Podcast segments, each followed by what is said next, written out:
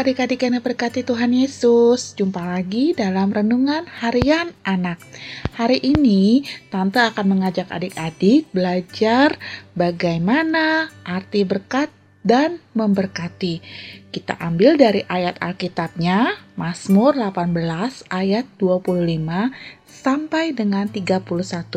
Tapi tante hanya akan membacakan dari Mazmur 18 sampai 31 saja ya. Nanti adik-adik sendiri yang membaca keseluruhannya. Tapi sebelumnya, tante mau ajak adik-adik lipat tangan dan tutup mata. Tuhan Yesus yang baik, kami hari ini mau belajar tentang firman-Mu Tuhan, bagaimana berkat dan memberkati. Bantu kami agar kami bisa belajar dengan baik. Terima kasih Tuhan Yesus yang baik. Amin. Kita buka Alkitabnya, kita baca sama-sama ya. Mazmur 18 ayat 31. Adapun Allah, jalannya sempurna. Janji Tuhan adalah murni dia menjadi perisai bagi semua orang yang berlindung padanya. Arti berkat dan memberkati.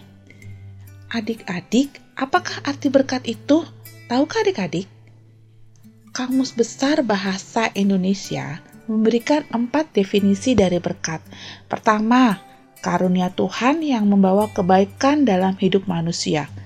Kedua, doa restu dan pengaruh baik dari orang-orang yang dihormati. Ketiga, makanan dan lain sebagainya yang dibawa pulang sehabis kenduri. Lalu keempat, mendatangkan kebaikan, bermanfaat, ataupun berkah. Kamus Umum Bahasa Indonesia memberikan dua definisi dari berkat. Pertama, apa yang diterima manusia dari Tuhan harta, kesehatan, kebahagiaan, rezeki, dan lain sebagainya untuk kehidupan. Kedua, sedekah atau selamatan. Kamus Webster mendefinisikan berkat sebagai one who blesses, a benediction, a means of happiness or welfare, a beneficent gift, in analogs of derived sense. Dalam perjanjian lama, Kata berkat berasal dari kata barak, to bless, dari dan dalam bentuk kata kerja diberkati atau memberkati adalah berakah. Kata-kata ini muncul dalam Alkitab sebanyak 415 kali. Dari 415 kali, 152 penggunaan kata tersebut, 214 di antaranya diterjemahkan dengan kata berkat. Kata barak atau berakah diterjemahkan dan dirumuskan sebagai berikut.